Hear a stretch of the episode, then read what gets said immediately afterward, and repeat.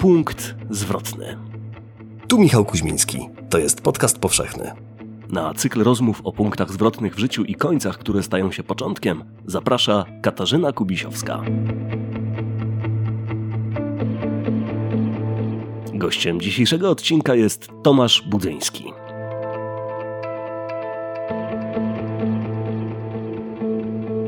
Nasz występ trwał 20 minut. I mogę powiedzieć tak, w ciągu 20 minut zmieniło się całe moje życie. Wchodząc na scenę, byłem nikomu nieznanym jakimś chłopakiem z jakiegoś puław, czyli znikąd, z jakimś zespole siekiera, a schodziliśmy z tej sceny jako gwiazdy roka.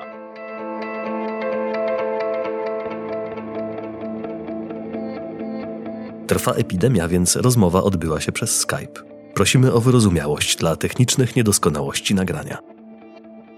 Na cykl zaprasza Katarzyna Kubisiowska. Podcast powszechny. Weź, słuchaj. Dzień dobry. Z Krakowa Katarzyna Kubisiowska, a ze mną jest w Poznaniu kto? Dzień dobry, Tomasz Budzyński. Tomku, gdzie jesteś konkretnie? W której części swojego mieszkania? Teraz jestem czymś, co nazywam swoją pracownią, a jest to y, dawny pokój mojej córki Niny. Ja tutaj y, maluję, nagrywam i tam tak, i tak dalej. Zajmuję się y, malarstwem, muzyką. Moja pracownia po prostu. Mały pokoik, ale mi tu przyjemnie. Czyli własny pokój odziedziczony po córeczce. Tak, po córce. Tomek, a powiedz mi, wczoraj grałeś w Scrabble ze swoją żoną, bo wiem, że macie taki rytuał. Często gramy y, z żoną w Scrabble, tak przed snem, mówiąc szczerze. Jakoś mnie to uspokaja, ta Mhm. gra.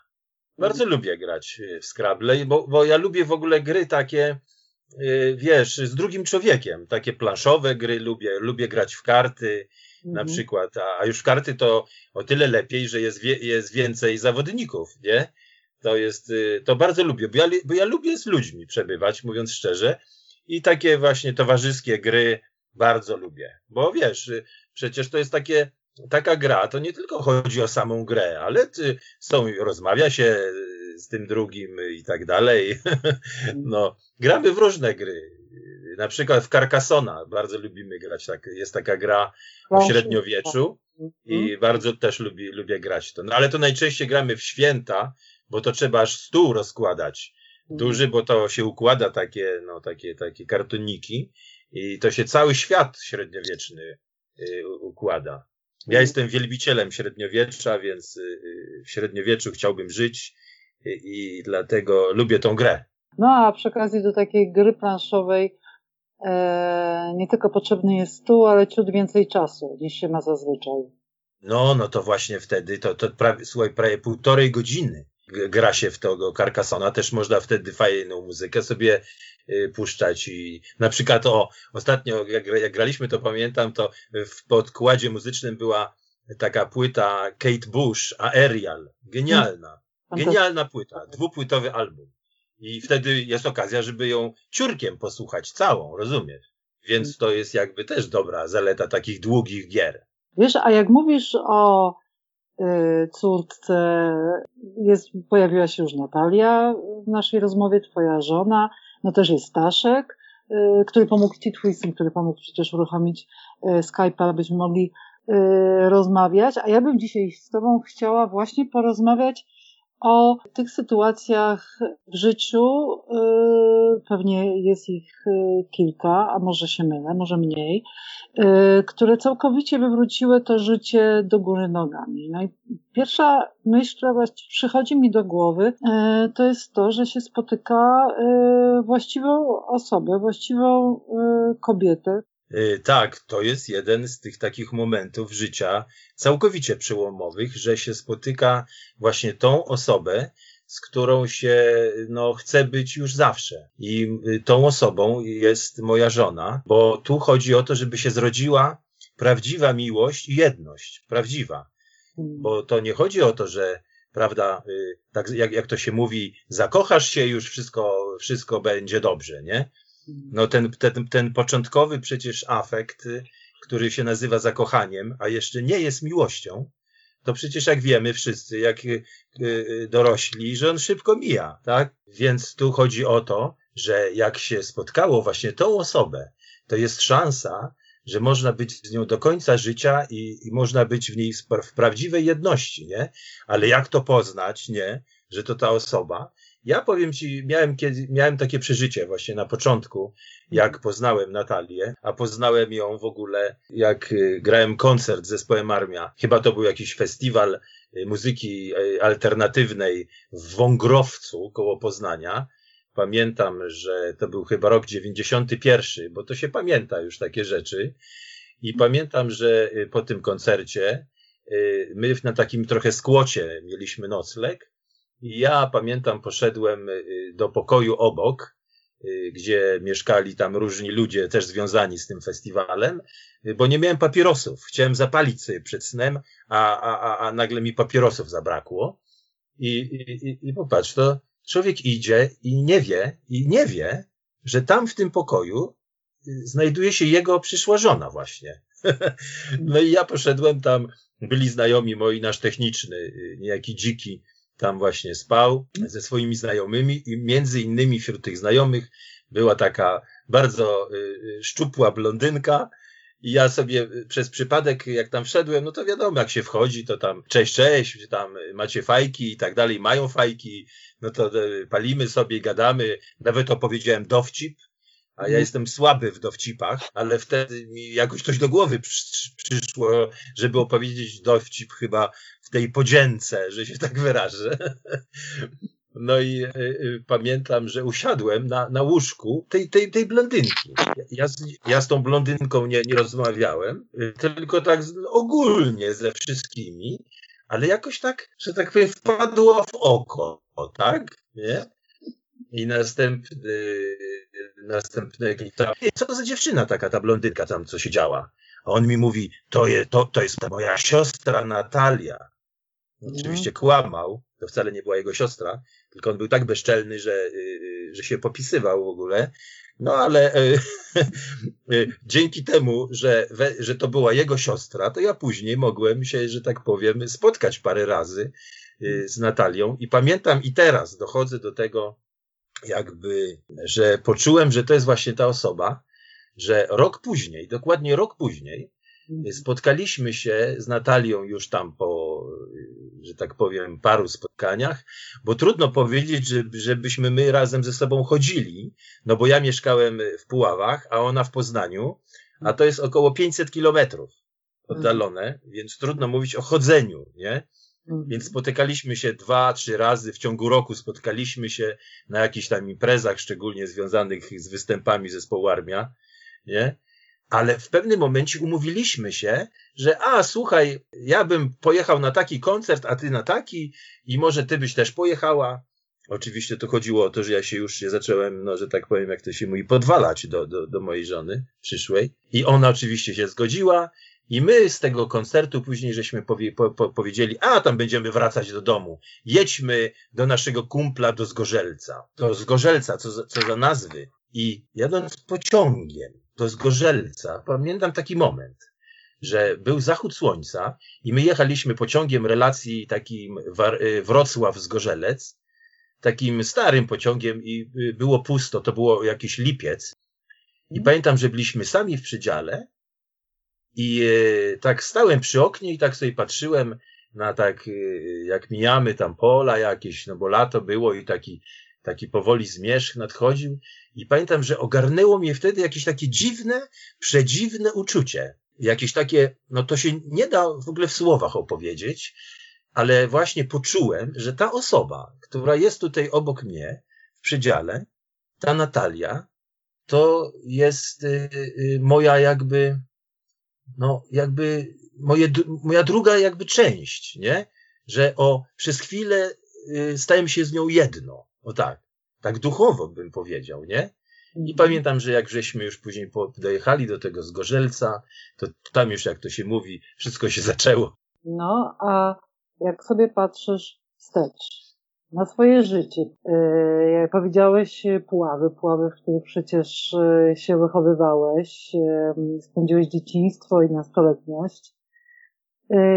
Jak sobie myślisz o tamtym czasie, to zdarzył się jakiś taki punkt zwrotny? Tak, i to mogę powiedzieć bardzo dla mojego życia taki istotny, ponieważ w tychże Puławach, ja tam się wychowywałem jako młodzieniec, y, tam też y, no, mieszkałem jako dziecko i tam za, założyliśmy zespół. Ja y, y, z kolegami. Ja y, nigdy nie myślałem, że będę muzykiem. Ja zawsze mówię, że ja zostałem muzykiem przez przypadek i, ta, i to prawda. Ponieważ ja zawsze wyobrażałem sobie, sobie swoją przyszłość jako, jako malarz.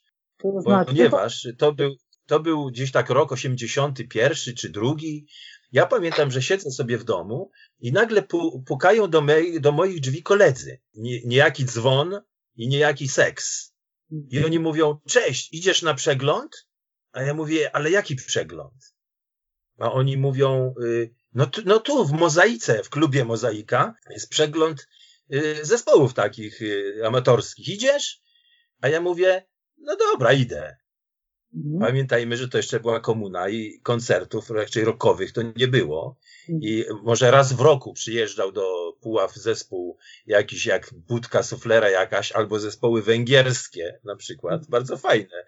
Jak na przykład Scorpio, taki zespół pamiętam. No i raz w roku był przegląd jakichś zespołów y, y, młodzieżowych. Ja nie wiem skąd te zespoły się brały, y, bo generalnie ludzie byli ubodzy. Nikt nie miał pieniędzy na to, żeby mieć instrumenty i tak dalej, i tak dalej. No ale dobra, poszliśmy. Jak już żeśmy tam weszli do tego klubu Mozaika, to ja e, tak nagle jak się rozejrzeliśmy, tam ktoś na scenie, ktoś grał i nagle się okazało, że e, e, ze, wśród jednych z, jedne, jeden zespół, który tam występ, ma występować, to jest dwóch naszych znajomych. I ja tak mówię do tych moich kolegów, ty, słuchaj, chodźcie, założymy teraz zespół i zgłosimy się i powiemy, że chcemy wystąpić tak dla jaj, słuchaj. Ale dobra, zrobimy sobie jaja. I poleciałem do tej komisji tam i powiedziałem, my jeszcze jesteśmy jeszcze jeden zespół, chcieliśmy wystąpić, można na końcu? Oni ci mówią, no w sumie to można. A to proszę powiedzieć, jak się nazywacie? A ja tak, yy, yy, yy, yy, Świekiera. Wymyśliłem tą nazwę w przeciągu pięciu sekund. A dlaczego siekiera? I ona, a nie wiem, Tomek? bo mi się wydawało, że siekiera to pankowo, bardzo pankowo brzmi. Ja wtedy no. byłem y, y, przebranym za pankowca młodzieńcem, więc y, wydawało mi się, że to tak ostro zabrzmi. Mhm. No i oni zapisali, dobra, możecie grać na końcu. Jeszcze żeśmy w kuluarach spotkali naszego kolegę Borysa, który twierdził, że potrafi grać na perkusji pożyczyliśmy gitary od tych, tego kole, tych kolegów z zespołu, nie? Mhm. I wystąpiliśmy na samym końcu. No i oczywiście nasz występ we czwórkę, czyli ja, Dzwon, Seks i Borys, mhm. Y, to był koncert, to był kompletny chaos. Bo my powiedzieliśmy, co będziemy grali. A ja mówię, ty, gramy w ogóle byle co. I graliśmy taki, to był taki performance y, chaotyczny, składający się z tego, że nikt z nas nie potrafił grać, więc tak brzdąkaliśmy byle głośniej, a ja, a ja do mikrofonu darłem się, jakieś by darcie się takie. Więc to była taka awangardowa ekspresja. I to był pierwszy koncert zespołu Siekiera. I teraz, bo tu chodzi o to, że ten żart spowod spowodował, że jakby to powiedzieć, ja połknąłem tego bakcyla, że się tak wyrażę, scenicznego. Tak, no, stojąc na tej scenie, spodobało mi się to. O tak powiem, tak powiedziałem, ale no w sumie fajnie. Fajnie tu jest na tej scenie. I tak żeśmy po tym koncercie powiedzieli, że założymy sobie zespół Siekiera i będziemy robić próby. Udało nam się robić próby, znaleźć miejsce na próby. I po dwóch latach zespół Siekiera miał już własny repertuar i zgłosiliśmy się na taki festiwal w Jarocinie. 84 rok, 1984 tak. rok, tam dopiero dalej iście. No właśnie, i ja do tego zmierzam teraz, do, mhm. do tego przełomu. Bo to, to na razie jeszcze nie było żadnego przełomu. Na razie było połknięcie bakcyla. Aha. I my żeśmy, no grali sobie w tej piwnicy, piwnicy y, klubu y, te Empik, graliśmy w piwnicy i żeśmy ten repertuar okrutny tam wymyślili i zgłosiliśmy się do tego Jarocina, przyjęli nas i wystąpiliśmy tam, jak to się mówi, w konkursie. Bo wtedy, w tych czasach, ten festiwal był zupełnie czym innym. Tak jak mówiłem wcześniej, y, za komuny, taka ta muzyka niezależna, to była na autentycznym podziemiu. W autentycznym naprawdę piwnicach była tylko. Tych koncertów było tyle, co kot napłakał. W zasadzie prawie nie było, nie? Może gdzieś tam były jakieś w Gdańsku, w Warszawie albo, nie wiem, w Krakowie, a dla takich, y, że tak powiem, chłopaków z małego miasteczka, to, to był ten festiwal w Jarocinie się objawił. I my żeśmy o tym usłyszeli i tam pojechali. I nagle się okazuje, jak my żeśmy tam przyjechali, że takich jak my, takich zespołów, to jest, ja wiem, ze 300 w ogóle, a luda tam się zjechało, ja wiem, ze 20 tysięcy, żeby słuchać tych, tych młodych zespołów, nie? Co ciekawe, fajnie to wyglądało, jak oni, ci ludzie słuchali, bo ci ludzie słuchając wszystko to nagrywali na kaseciaki. I tak trzymali w rękach Y, takie w górze y, magnetofony kasetowe i nagrywali to, co leci ze sceny. Y, I to było, to nie był niesamowity widok. 20 tysięcy ludzi. I teraz dochodzę do tego, żeśmy zostali przyjęci na tak zwany występ na dużej scenie. Jaki Walter Heustowski wcześniej robił przesłuchania. Mhm. Jednych odrzucał, a drugich, że tak powiem, przepuszczał. I nas przepuścił i my wystąpiliśmy na tej dużej scenie.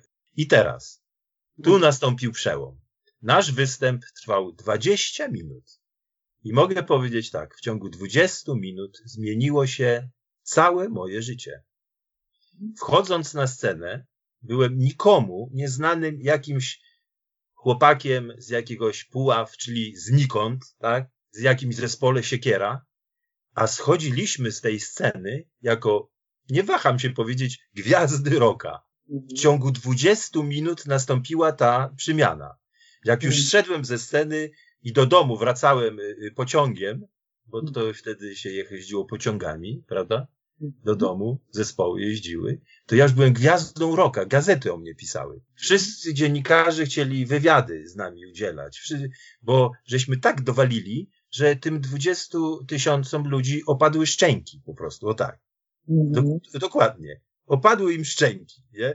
Tak żeśmy dowalili. Mhm. No i tak jak mówię, zaczęło się to życie, które no też mam do dzisiaj, tak? Bo później y, po siekierze założyliśmy zespół Armia i, ta, no, to już wszystko jasne i, i tak dalej. I aż do dzisiaj zespół Armia istnieje, prawda? I wiele innych projektów moich. Żeby to się zdarzyło, to ty musisz y, żyć, żeby wyjść na tę scenę. A przecież w Puławach była taka sytuacja, której pewnie sobie wtedy jeszcze nie uświadamiałeś, nie racjonalizowałeś, a miałeś kumpli, którzy cię ciągnęli w stronę śmierci. No tak, no bo to wiesz, y, y, ja zawsze się, że tak powiem, ja byłem ubogim chłopakiem, nie? Ja się wychowałem w hotelu robotniczym, w, w małym pokoju, w czwórkę, ojciec, matka i dwoje dzieci. Y, w, nie mieliśmy nawet telewizora, tak? Mhm. I ja się wychowałem na ulicy, o tak, wśród kolegów, nie? Tam to jest, że tak się wrażę, wszelkie autorytety też wtedy upadają, prawda? Ojciec przestaje być autorytetem, no to kto jest autorytetem? No starszy kolega najczęściej, albo y, y, gwiazdy piłki nożnej, albo y, gwiazdy, że tak powiem, rock'n'rolla, nie? Mhm. No i ja wcześniej, że tak powiem, siedziałem na murku z innymi kolegami, tak zwanymi hipisami miejscowymi. Bardzo mi to imponowało. Miałem długie włosy i z tymi miejscowymi hipisami siedziałem na murku.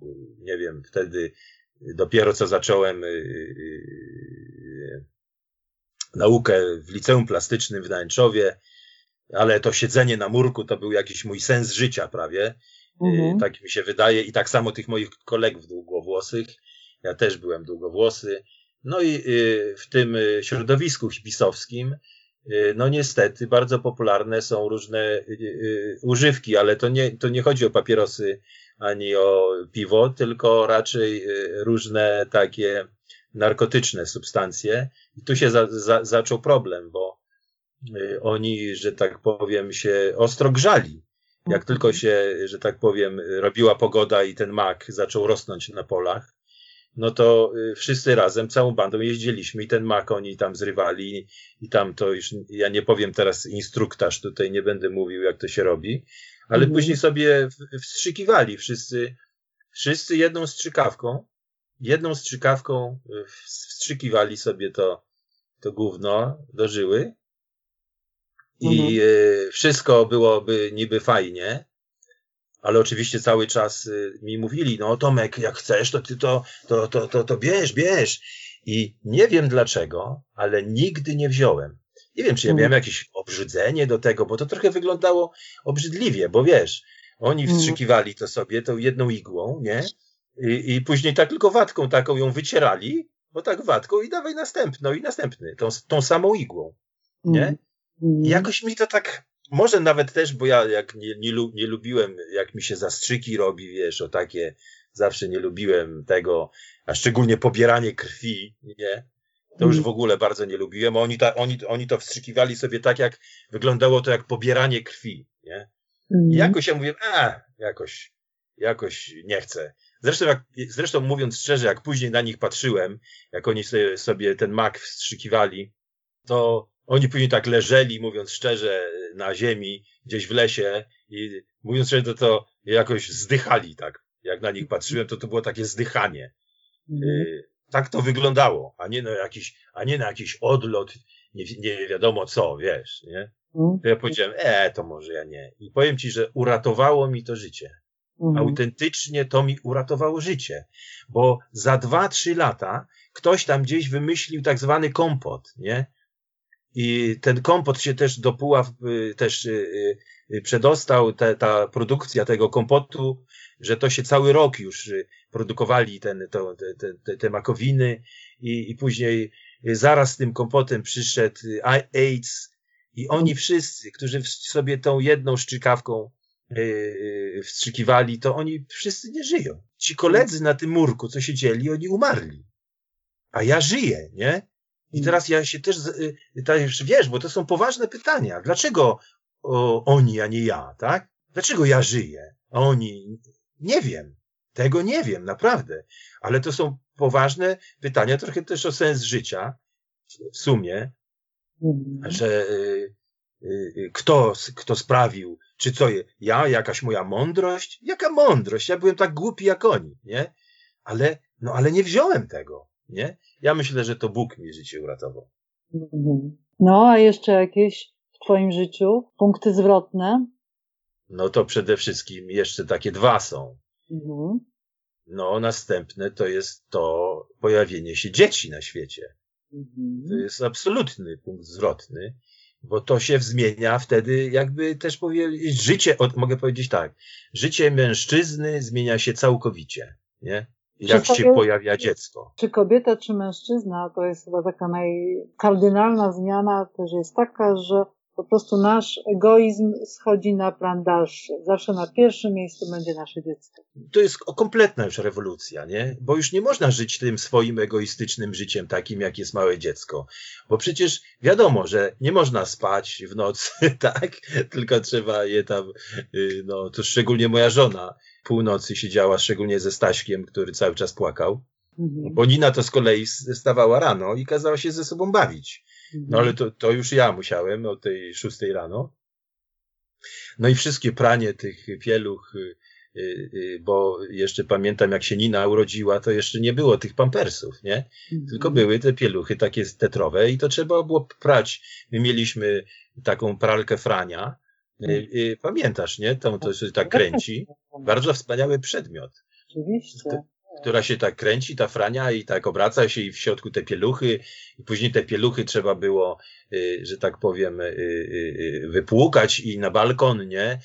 Ale to jeszcze to, że doświadczenie tego, tego, tej, tej, bo jak dziecko, tego raju, bo ja uważam, że jak dziecko się pojawia, to tak jakby, bo dziecko z raju, od Boga przychodzi i ono ten zapach rajski jeszcze ma. Mhm. I ten język ma, ten rajski. Bo nawet zapach, nie? Pamiętasz No, zapach dziecka? Tak, jest on jest, jedyny w swoim rodzaju zapach. I Tak. ten zapach jeszcze jest z raju. to jest taki zapach to jest zapach takiej e, e, świeżości, świeżości Tak, no. takiej fizjologiczności, ale takiej pierwszej e, i niewinności. Dokładnie. Ale z Niną to było tak, że pamiętam, że dziecko takie małe, to, to, to wcześniej idzie spać, nie? Y, Zawsze y, tak chce się spać już o, o, o siódmej, a jest lato, nie? Mhm. I tak pamiętam, leżeliśmy obok siebie na, na, na, na, kana, na kanapie i Nina już tam zawinięta tak do snu i ona zaczęła tak, jak to się mówi, tak gaworzyć, wiesz? Wiesz o co chodzi, tak do siebie. Zaczęła tak śpiewać prawie, tak piszczeć, nie wiem co, wręcz jakiś zachwyt wpadła. A ja tak leżałem obok i ja myślałem, Boże, co to za język, co to za jakiś, jakiś mistyczny język. To, z kim ona rozmawia? Z aniołem? Bo chyba, W kraju. bo Mhm. chyba tak, bo ona musiała coś widzieć przed sobą, czego ja nie widzę. Że ona dostała jakiegoś takiego, jakiś odjazd miała, kompletny, śmiała się, krzyczała tym swoim, prawda, językiem dziecięcym, tym takim, prawda, agugu, tak? No, o, to agugu miała. I, I to agugu, bo i patrzyła na coś tak w przestrzeń, nie? Według mnie to dziecko widzi anioły, nie? I, i, i później to zapomina, jak staje się y, dorosłe, A wiesz, co powiedziała moja córka, jak miała 5 lat? Powiedziała do mnie tak. Ja sobie to zapisałam, bo ja zapisywałam przez to, co mówią moje dzieci, yy, jak były małe. Yy, moja córka powiedziała, mamo, jak znowu będziesz dzieckiem, to wszystko ponownie zrozumiesz. Więc y, y, to jest coś nie, niebywałego, wręcz niebywałego. To jest y, dla mnie było jedno z fundamentalnych tych doświadczeń, nie? Z dzieckiem. No a to, to jeszcze jedno, o którym chciałeś powiedzieć. A to jeszcze jedno. Mhm. To jest doświadczenie dobrej nowiny. Bo ja zostałem, jak to się mówi, wychowany, prawda, y, w takiej typowej, zwykłej katolickiej rodzinie, nie? Jak to większość z nas, nie?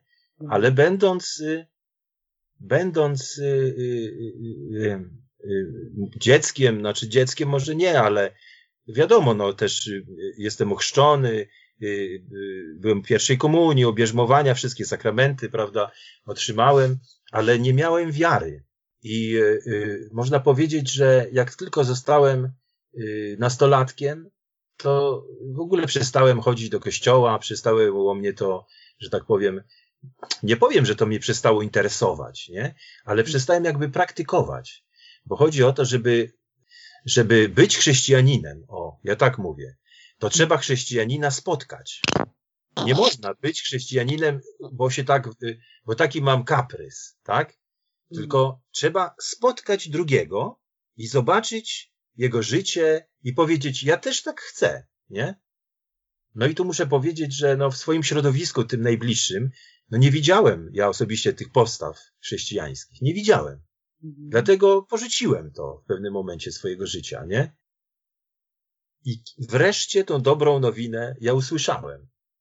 To był mój kumpel y, y, z, z liceum plastycznego, niejaki Piotr Pelanowski. Tenże Piotr Pelanowski został wywalony y, chyba w trzeciej klasie czy, czy w drugiej. Razem chodziliśmy do jednej klasy. Przyjaźniliśmy się.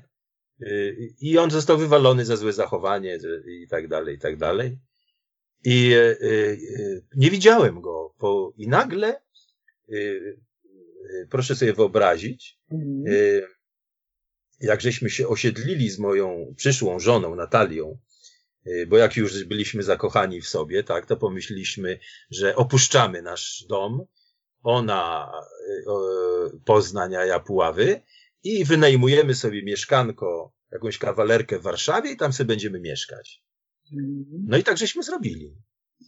I, już po miesiącu mieszkania w tym, jak to się mówi, w tej Warszawie na kocią łapę, dwoje anarchistów, tak, y, y, y, sobie mieszka i sobie żyje jak chce.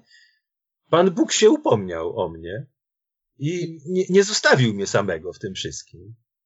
I poszedłem sobie, mówię to, że to po miesiącu już, nie wiem, poszedłem do sklepu coś kupić na obiad i idę, bo to mieszkaliśmy w Warszawie na Nowym Mieście. Idę ulicą Długą. Tam teraz, w, w miejscu, gdzie teraz jest pomnik y, powstania warszawskiego. Bardzo charakterystyczne miejsce.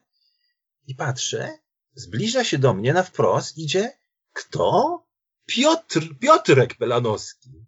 Ja mówię, ty, co ty tu robisz? Nie widzieliśmy się chyba ze, ze, z, nie wiem, z 15 lat. I on mówi, cześć, tak się żeśmy, no, no, no, bo, no bo nie widzieliśmy się tyle, a byliśmy przyjaciółmi. Yy, yy. On mówi, no ja, yy, ja tu mieszkam. Ja tak się rozglądam, patrzę, gdzie on tu mieszka. A on mi mówi, tu, w klasztorze. I on mówi, że on wstąpił do zakonu, nie?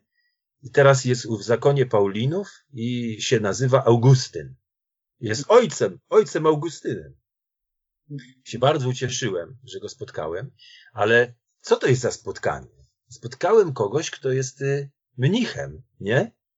I y, ponieważ y, y, y, ja w tym środowisku, w którym przebywałem, tym artystyczno-muzycznym, anarchistów i tak dalej, to my żeśmy o Bogu, ani o Kościele raczej ze sobą nie rozmawiali. Także z, z Natalią żeśmy o tym zbytnio nie, nie, nie gadali, nie? A to nagle pojawia się osoba, którą ja bardzo lubiłem, która mieszka dosłownie, on mieszka tam na Długiej, a ja na Franciszkańskiej, to jest dosłownie na piechotę, ja wiem, pięć minut, no może nawet trzy. I jest to ktoś, z którym ja mogę na ten temat rozmawiać. I to jest, to jest, ja uważam, że to Pan Bóg mi go, y, y, to spotkanie wyreżyserował. I to, to bardzo y, ważne było spotkanie, bo dzięki niemu wyobraź sobie, że my, anarchiści, wzięliśmy ślub kościelny. Za rok wzięliśmy ślub kościelny w tym klasztorze na Długiej, na,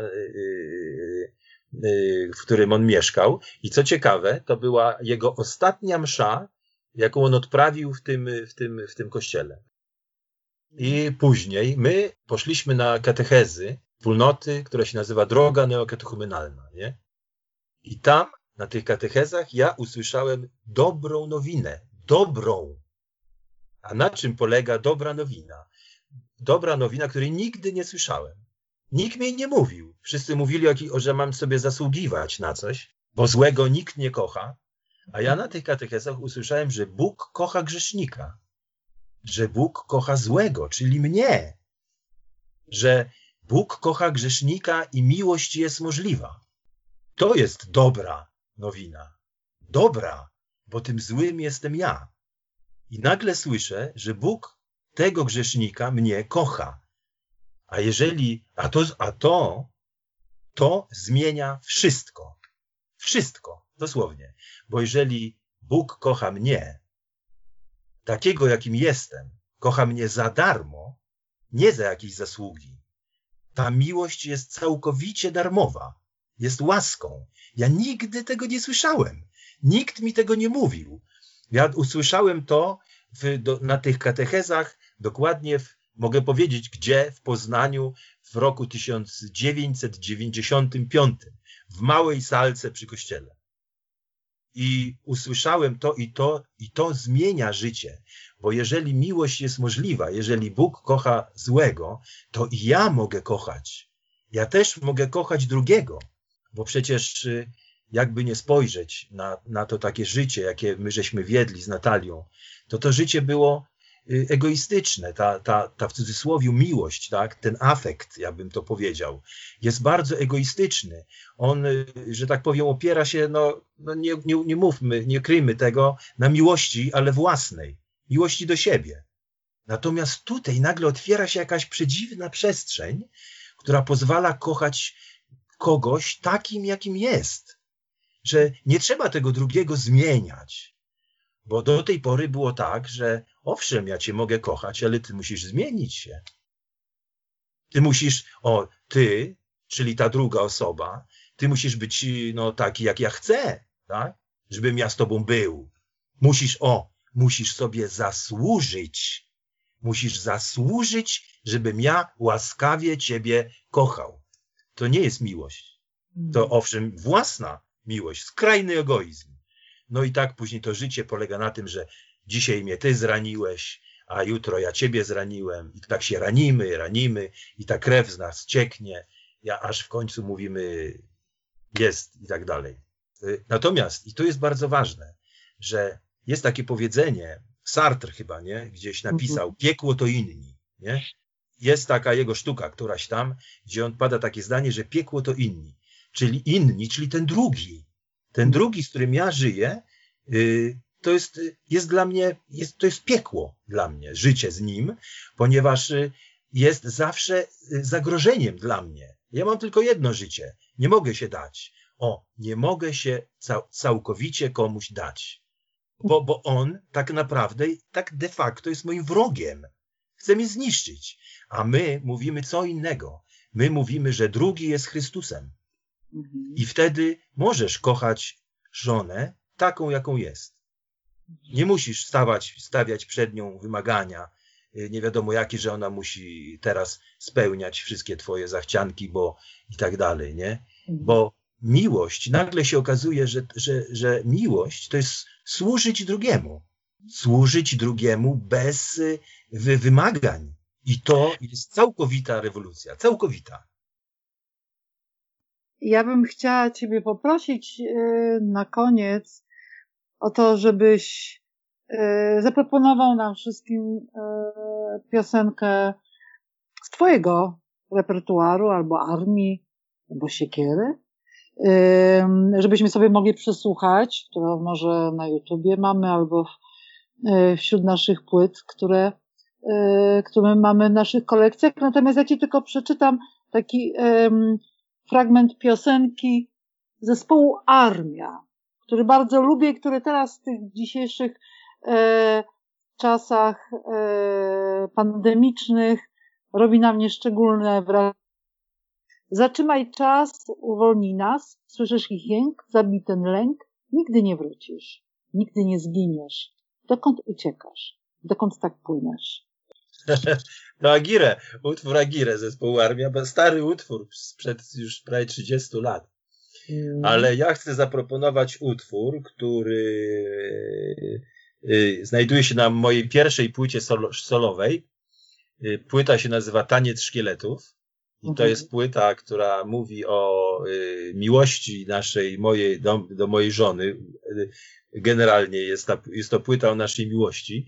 Taniec szkieletów, dlatego, że ja pamiętam, że znalazłem jakieś takie zdjęcie y, z, y, z czasów, kiedy, jak to się mówi, podwalałem się do mojej, do mojej dziewczyny, która się stała moją żoną. I zdjęcie ktoś nam zrobił, jak byliśmy w Tatrach Y, i, i gdzieś tam po jakimś tam śniegu, y, y, jakimś takiej połaci śnieżnej, pod rysami tak balansujemy. I jak patrząc na to zdjęcie, to tak pokazywałem je Natalii i mówię, ty zobacz, to jakiś taniec szkieletów. tak byliśmy chudzi, tak byliśmy chudzi wtedy. A był to rok 92. Nagrałem całą płytę, która się nazywa Taniec Szkieletów i na tej płycie jest taki utwór, który się nazywa Cuda. On mówi o cudach, jakie w naszym życiu się, się y, zdarzyły. I y, no, ten utwór bym zaproponował. Odie, stolexi Christus, odie, odie, stolexi Christus.